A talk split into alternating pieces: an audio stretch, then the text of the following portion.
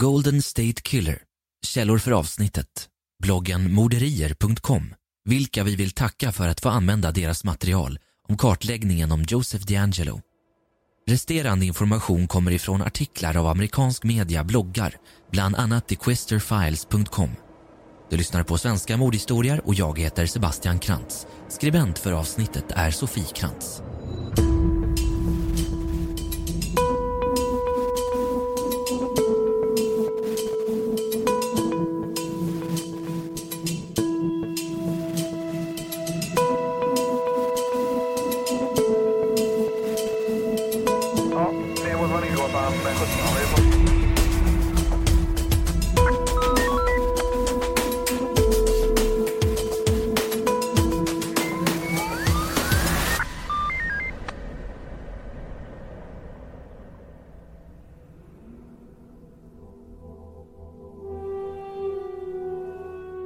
Golden State Killer, East Area Rapist, East Bay Rapist, Original Night Stalker. Ja, den här gärningsmannen fick många namn under de 40 åren som han jagades ifrån 76 fram till 2018 då han äntligen som 72-åring kan gripas efter en DNA-träff. Det visar sig då att mannen som grips vars riktiga namn är Joseph James DeAngelo själv varit polis. Och innan han greps begick han minst 13 mord, fler än 50 våldtäkter och över 100 inbrott.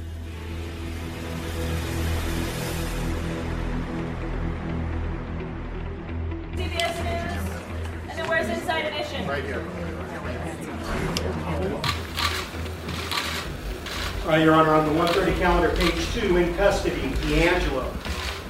Is uh, Joseph James D'Angelo your true, correct legal name? I'm sorry? Yes. You have, you're before the uh, Sacramento Superior Court for two reasons. One, to inform you there is a warrant, a hold for you out of Ventura County for two counts of murder, 187 subdivision A of the penal code. That case is 116-1124. There is no bail placed on you from Ventura County.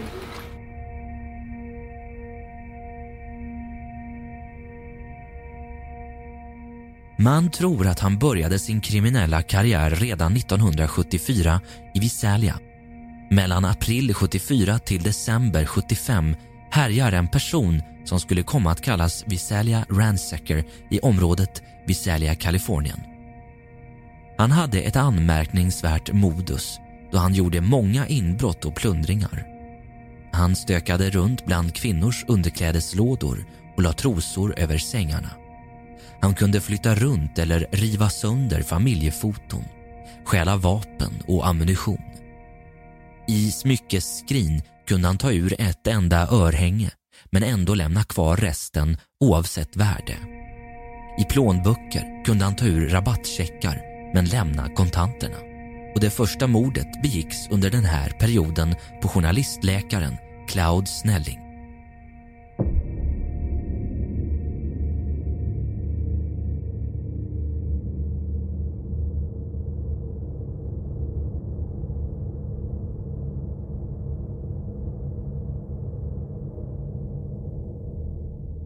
Han skjuts till döds när han försöker konfrontera gärningsmannen som tagit sig in i hans hus klockan två på natten och då försöker kidnappa hans dotter.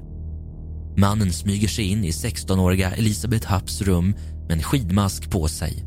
Han hotar att döda henne om hon inte är tyst och följer med.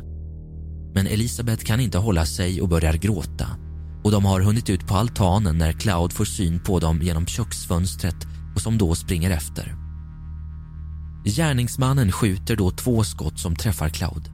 Han siktar också på Elisabeth men slår henne istället med pistolen och lämnar platsen. Klockan är halv sju på morgonen 1976. Då stänger Janes man garageporten till deras hus för att åka till jobbet. Jane och hennes treårige son är kvar i huset. Det är fortfarande tidigt så sonen går och lägger sig tryggt i sin mammas säng när de plötsligt hör fotsteg. Jane ropar och tror att det är hennes make som glömt någonting. Men då ser hon att någon lyser med en ficklampa.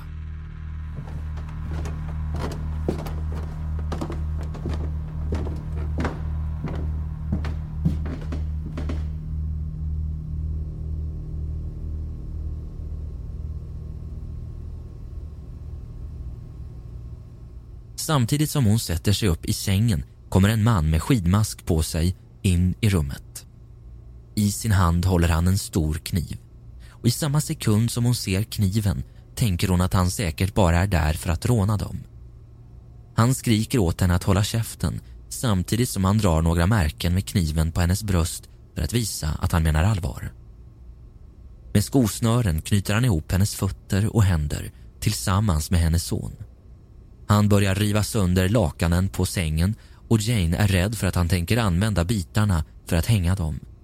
Men istället stoppar han dem i munnen på henne och sonen och nu kan de inte längre skrika på hjälp. Därefter flyttar han på sonen. Jane vet än idag inte om gärningsmannen stängde in sonen på sitt rum eller om han låg där bredvid på golvet under hela tiden. Det är nu hon börjar inse vad han är ute efter. Han tänker våldta henne. Hon är så förstelnad i sin rädsla och undrar hela tiden vart han tagit hennes son att hon knappt märker när han våldtar henne. Men till slut så reser han sig och går ut i köket. Jane hör då hur han dunkar och smäller med grytor och stekpannor. Han går fram och tillbaka några gånger samtidigt som han säger till henne Om du vill leva så rör du dig inte ur fläcken. Och i samma sekund inser hon att sonen är tillbaka i rummet. Äntligen blir det tyst. Han måste ha gått. Och med hjälp av sin tunga lyckas hon peta ut lakanet som han stoppat i hennes mun. Hon springer sedan ut ur huset och börjar skrika på hjälp.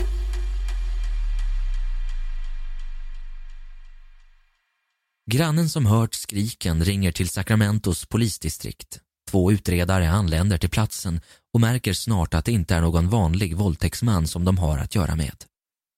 Det här är välplanerat. Utredarna börjar gå igenom tidigare fall och ser en koppling. Det måste vara en serievåldtäktsman. Och Jane är våldtäktsoffer nummer fem under en period på fem månader. Mannens tillvägagångssätt verkar vara liknande för varje överfall. Han stakar människor i medelklassområden, ofta par och bryter sig in i huset när han vet att kvinnan antingen är ensam eller med endast barnen hemma. Ofta så väljer han hus som ligger så nära en enkel flyktväg som möjligt.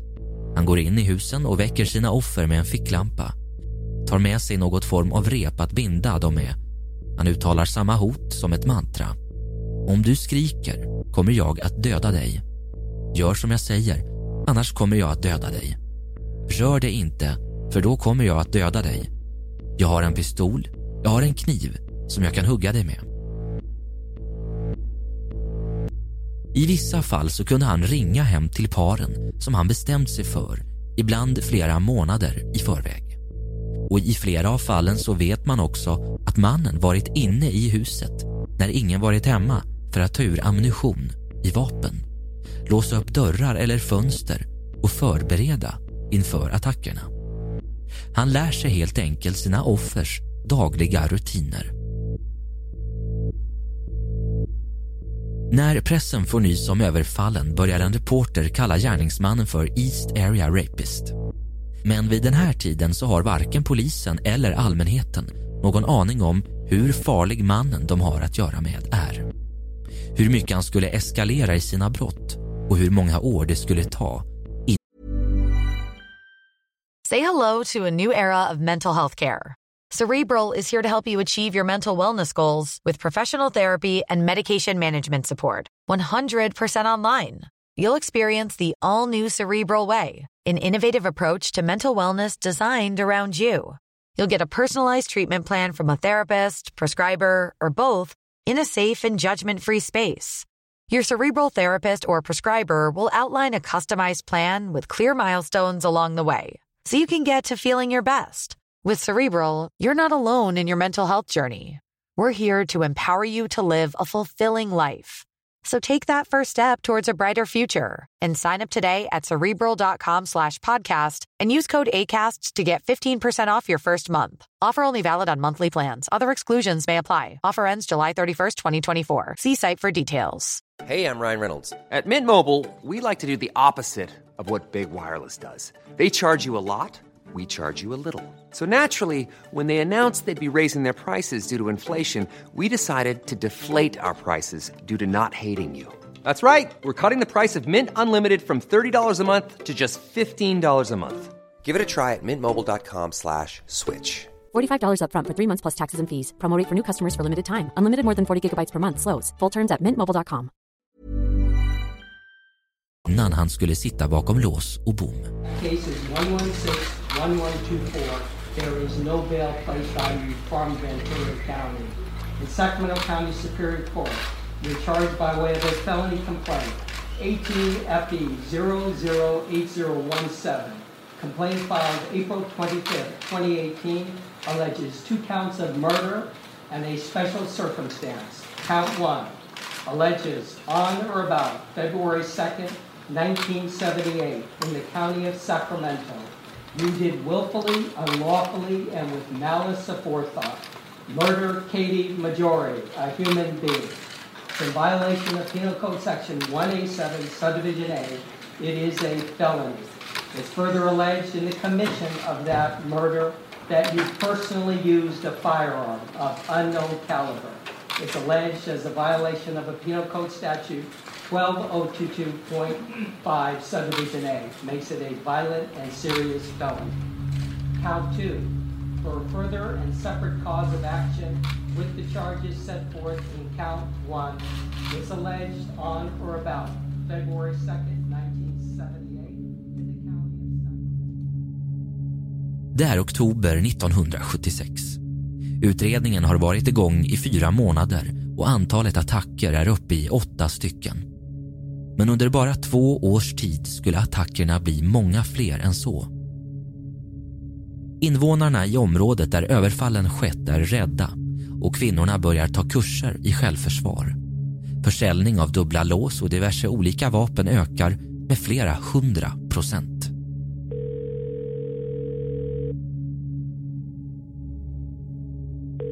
Det är den 18 mars 1977. Då ringer gärningsmannen till polisen i Sacramento ett flertal gånger. I ett av samtalen skrattar han bara och i det sista han ringer så säger han Jag är Eastside våldtäktsmannen. Jag har redan börjat följa efter mitt nästa offer och det finns ingenting ni kan göra för att stoppa mig. I april samma år är antalet överfall och våldtäkter uppe i hela 16 stycken. Både polis och press har gått ut med information om hans olika tillvägagångssätt. Och efter det så är det precis som att han ska bevisa för alla att han visst kan bryta sig in. Trots att mannen i huset är hemma. Då sker den första attacken på ett par.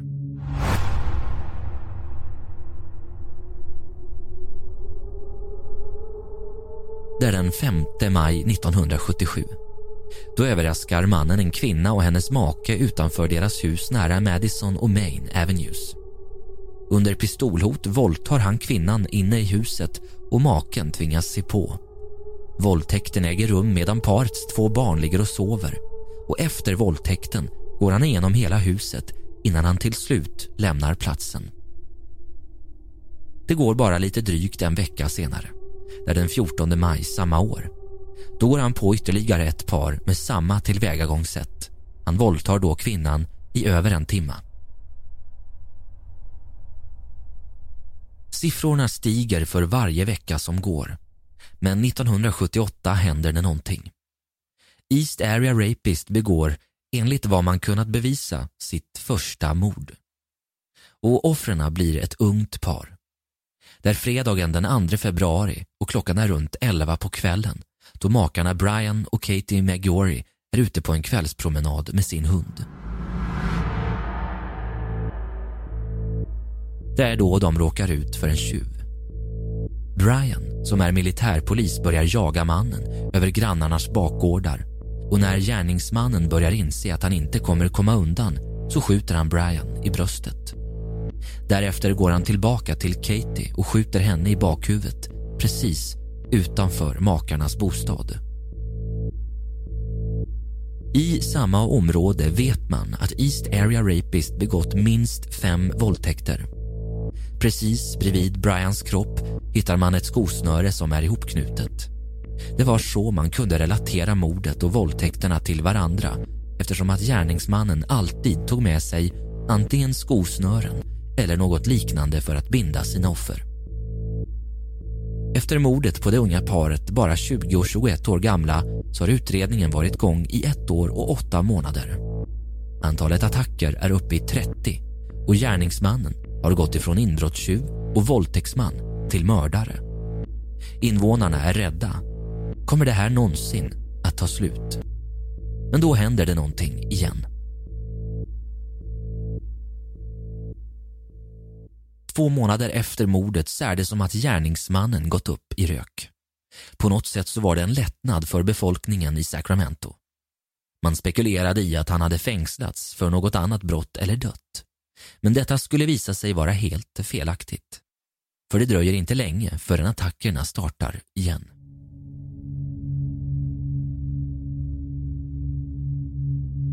Eftersom att gärningsmannen härjade på 70-talet så fanns det egentligen inte många andra sätt än att läsa tidningen för att få reda på vad som hände runt om i landet.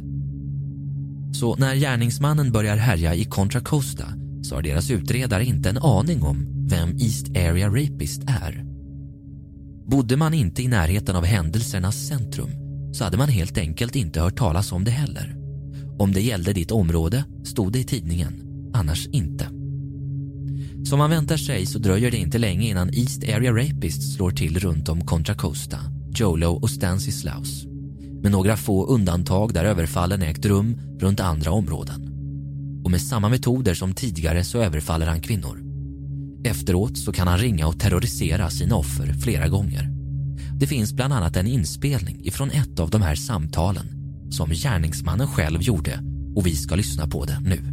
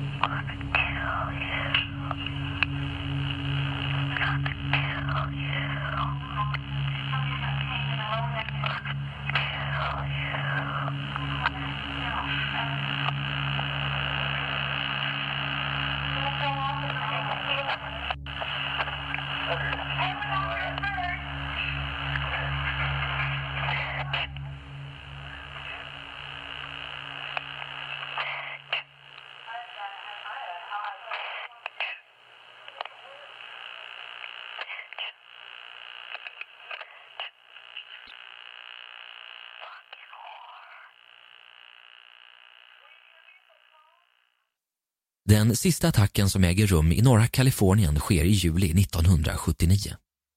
Ett par ligger och sover i sin lägenhet, men i just det här fallet så är mannen mycket lättväckt. Han vaknar och träffas omedelbart av en känsla av att någon är närvarande.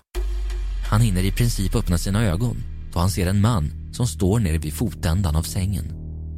Och den här personen håller i samma ögonblick på att dra på sig en skidmask över huvudet. Mannen flyger upp ur sängen och konfronterar inkräktaren. Han ställer sig ansikte mot ansikte med honom och skriker Vad gör du här? Stick härifrån. Medan mannen står där med inkräktaren har hans fru vaknat och sprungit ut ur huset. Det här hade inte gärningsmannen räknat med och han står förstelnad och blinkar. Mannen tar chansen och lämnar lägenheten för att ringa polisen och till slut inser gärningsmannen att han misslyckats med det han tänkt göra och flyr. När polisen anländer försöker man spåra gärningsmannen med hundar men utan resultat även den här gången. Efter den här händelsen försvinner The East Area Rapist. Men det man inte vet då är att gärningsmannen flyttar ifrån norra Kalifornien till södra och där börjar en ny period Hey, I'm Ryan Reynolds. Recently, I asked Mint Mobile's legal team if big wireless companies are allowed to raise prices due to inflation. They said yes. And then when I asked if raising prices technically violates those onerous two year contracts, they said, What the f are you talking about, you insane Hollywood ass? So to recap, we're cutting the price of Mint Unlimited from $30 a month to just $15 a month. Give it a try at mintmobile.com slash switch. $45 upfront for three months plus taxes and fees. Promo rate for new customers for limited time. Unlimited more than 40 gigabytes per month. Slows. Full terms at mintmobile.com. Samme gärningsman får ett nytt namn. Original Night Stalker. Och vid den här tiden så vet man inte att det är samma gärningsman man jagar. För det finns inga fingeravtryck och DNA-tekniken är mycket begränsad. Det enda man egentligen har att gå på är hans tillvägagångssätt. Då hade utredarna endast signalement att jobba utifrån. Och det var följande. Man sökte en vit man som var smal och atletiskt byggd. Han har blodtyp A, ungefärlig skostorlek 43. Fysiskt smidig med god förmåga att cykla, sprinta och klättra över staket. Han är mellan 18 och 25 år gammal när överfallen startar 76 han beräknas att vara mellan 60 och 75 år 2018 innan gripandet. Han har blont eller brunt hår, blå eller ljusa ögon, liten eller mindre än den genomsnittliga storleken på en penis.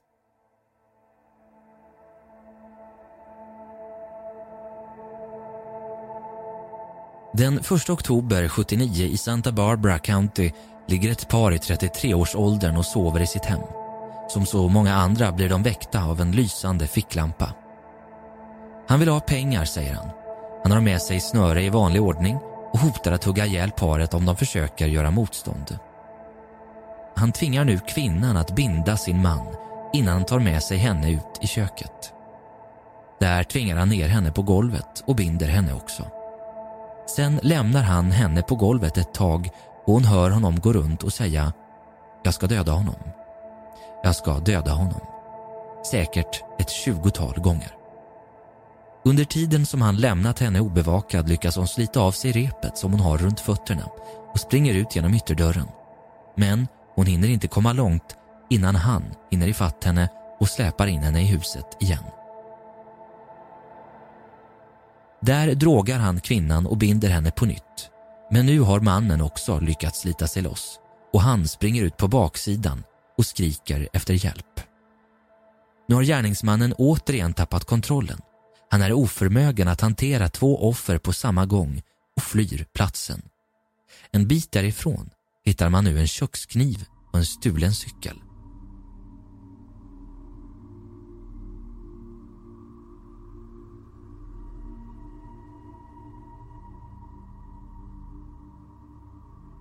Uh, like everybody else, I graduated from high school. I'm 18 years old.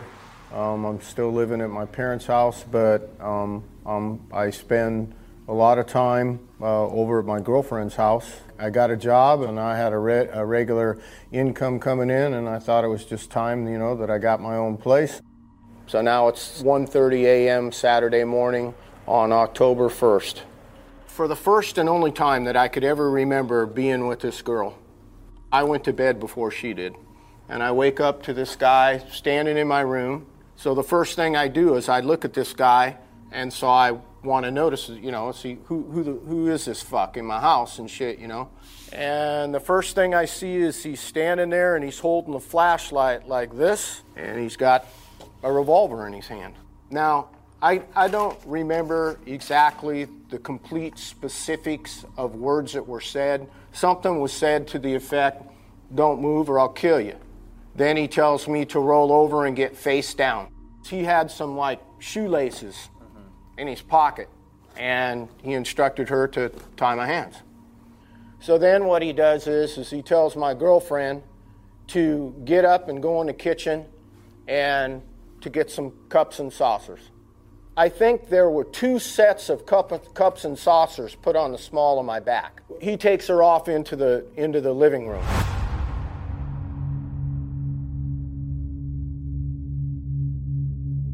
Några månader passerar, två dagar innan nyårsafton, året är 79. Och då sker ett nytt mord. Det handlar om läkarparet Bob Offerman och Alexandria Manning som mördas i sitt hem runt klockan tre på natten. Man tror att gärningsmannen tänkt våldta Alexandria men blivit avbruten. För Bob tar sig loss och går på honom men blir då ihjälskjuten. Omedelbart därefter så skjuter gärningsmannen Alexandria i vad som liknar en ren avrättning med ett skott i bakhuvudet. Och mordet på läkarna blir det första av morden som sker mellan december 79 och maj 86. Minst åtta personer till skulle falla offer för East Area Rapist eller som han kallades vid den här tiden, Original Night Stalker. Utredarna säger att morden som skedde under den här tiden var så brutala och hänsynslösa att de aldrig sett något liknande. Tre månader efter mordet på läkarparet sker nästa. Även den här gången på ett par. Lyman Smith var en framgångsrik jurist som snart skulle bli domare i Ventura Countys högsta domstol. Den 13 mars 1980 hittas han och hans fru Charlene brutalt mördade. Deras 12-årige son är det som gör den fasansfulla upptäckten. Det visar sig senare också att Charlene blivit våldtagen. Till en början ser man inte kopplingen till The Original Night Stalker. Istället misstänker man personer som haft kopplingar till Lymans jobb. Men de avfärdas ganska snabbt och man är återigen tillbaka på ruta ett.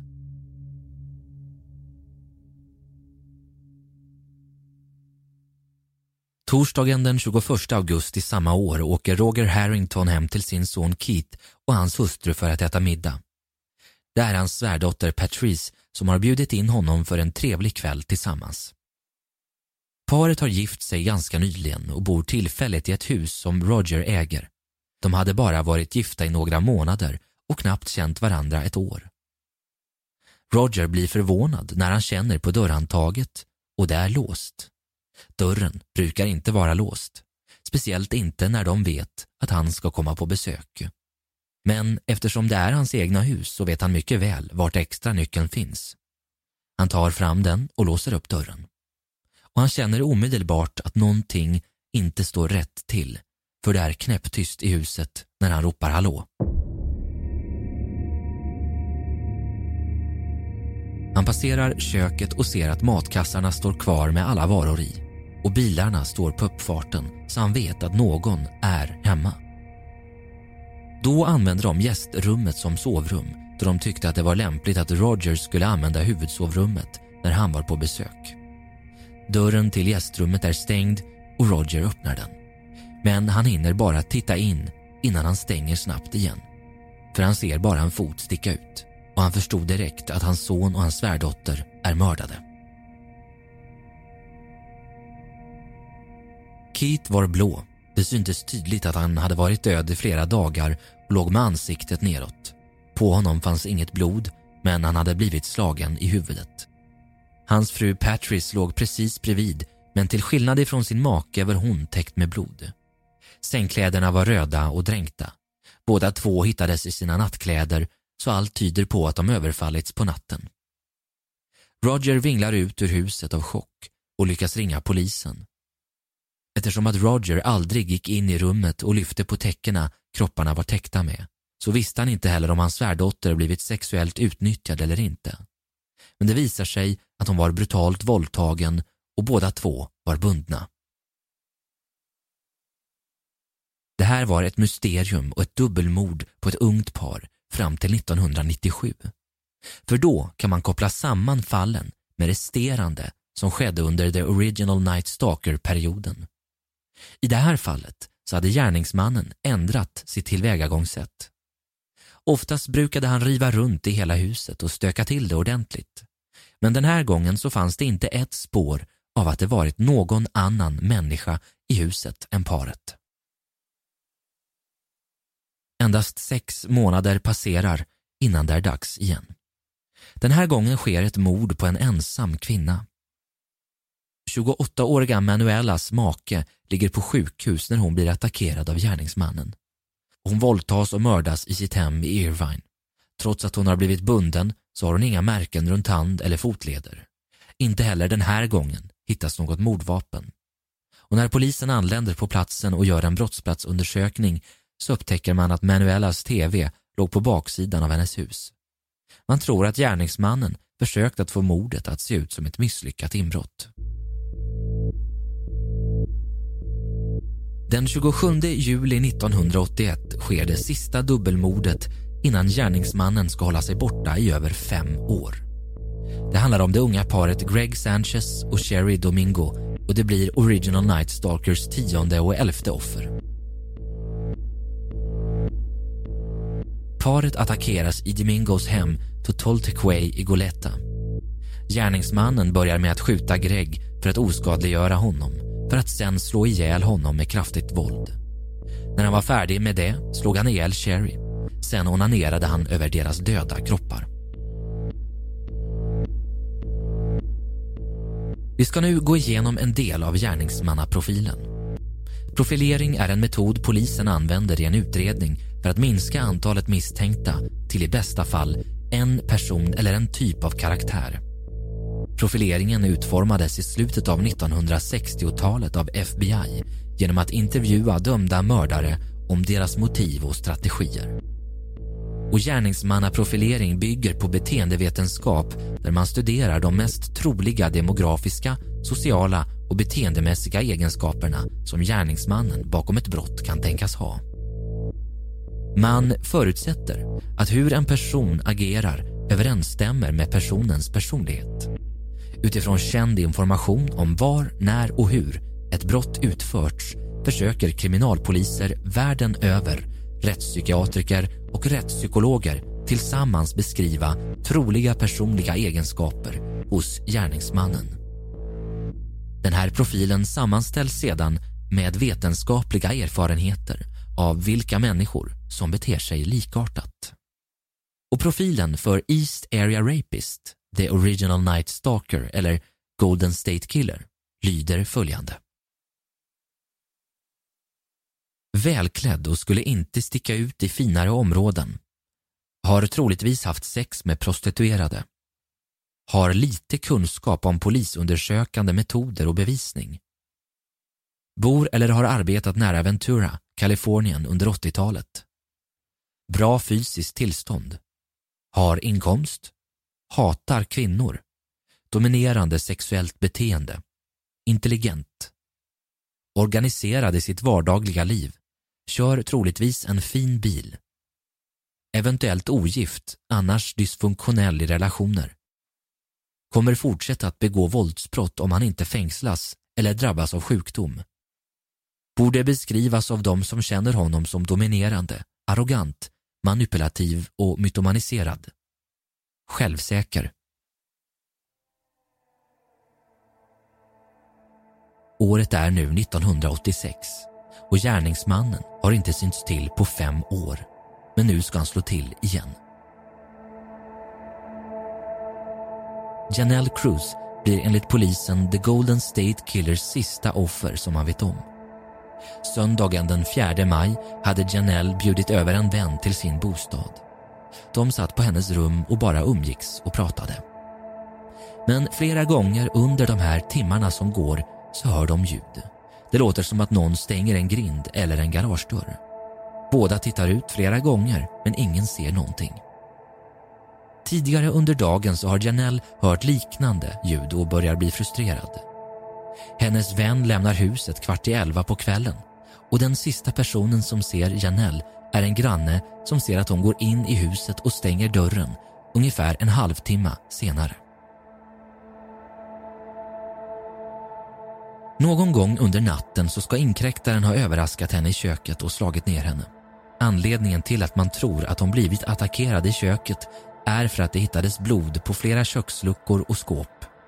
Hennes kropp hittades naken diagonalt liggandes över hennes säng.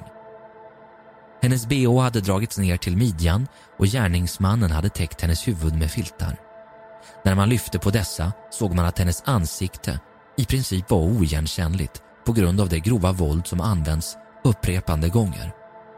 Hon hade även blivit brutalt våldtagen och allting tydde på att gärningsmannen våldtagit henne ett flertal gånger på olika sätt.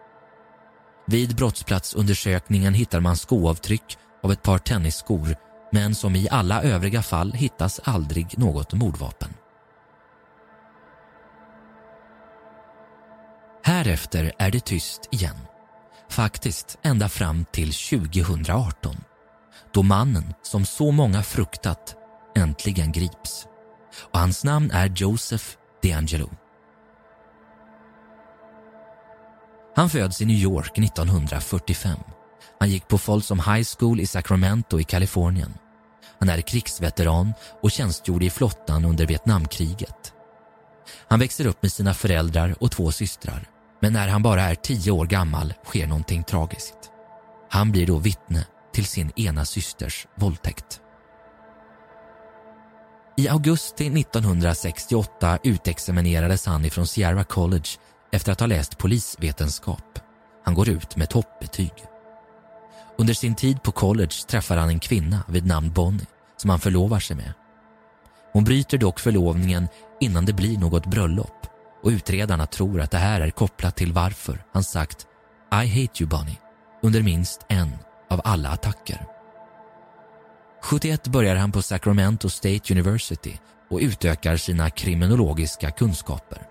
Och från och med maj 73 börjar han jobba som polis i en stad som ligger nära Visalia där D'Angelos första mord troligtvis begicks. Han träffar också en kvinna vid namn Sharon Mary Huddle som han gifter sig med. Paret får tre döttrar tillsammans.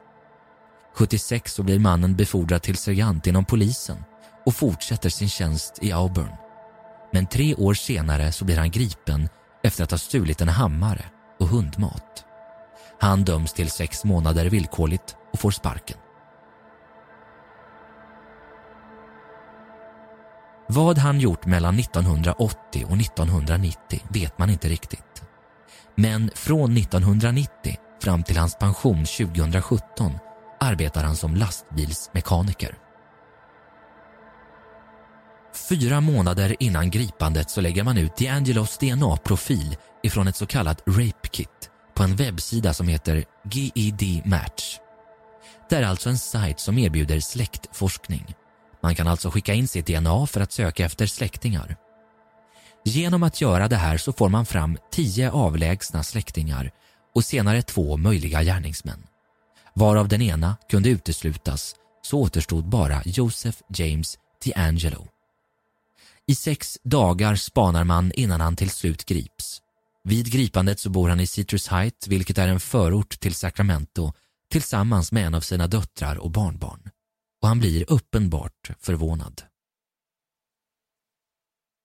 Många av brotten som det nu är bevisat att han har begått är preskriberade sedan lång tid tillbaka. Men han åtalas för 13 mord och 13 fall av frihetsberövande. Någon dom har ännu inte fallit. Du har lyssnat på Golden State Killer med mig Sebastian Krantz. Tack för att du har lyssnat. Vi hörs igen nästa vecka.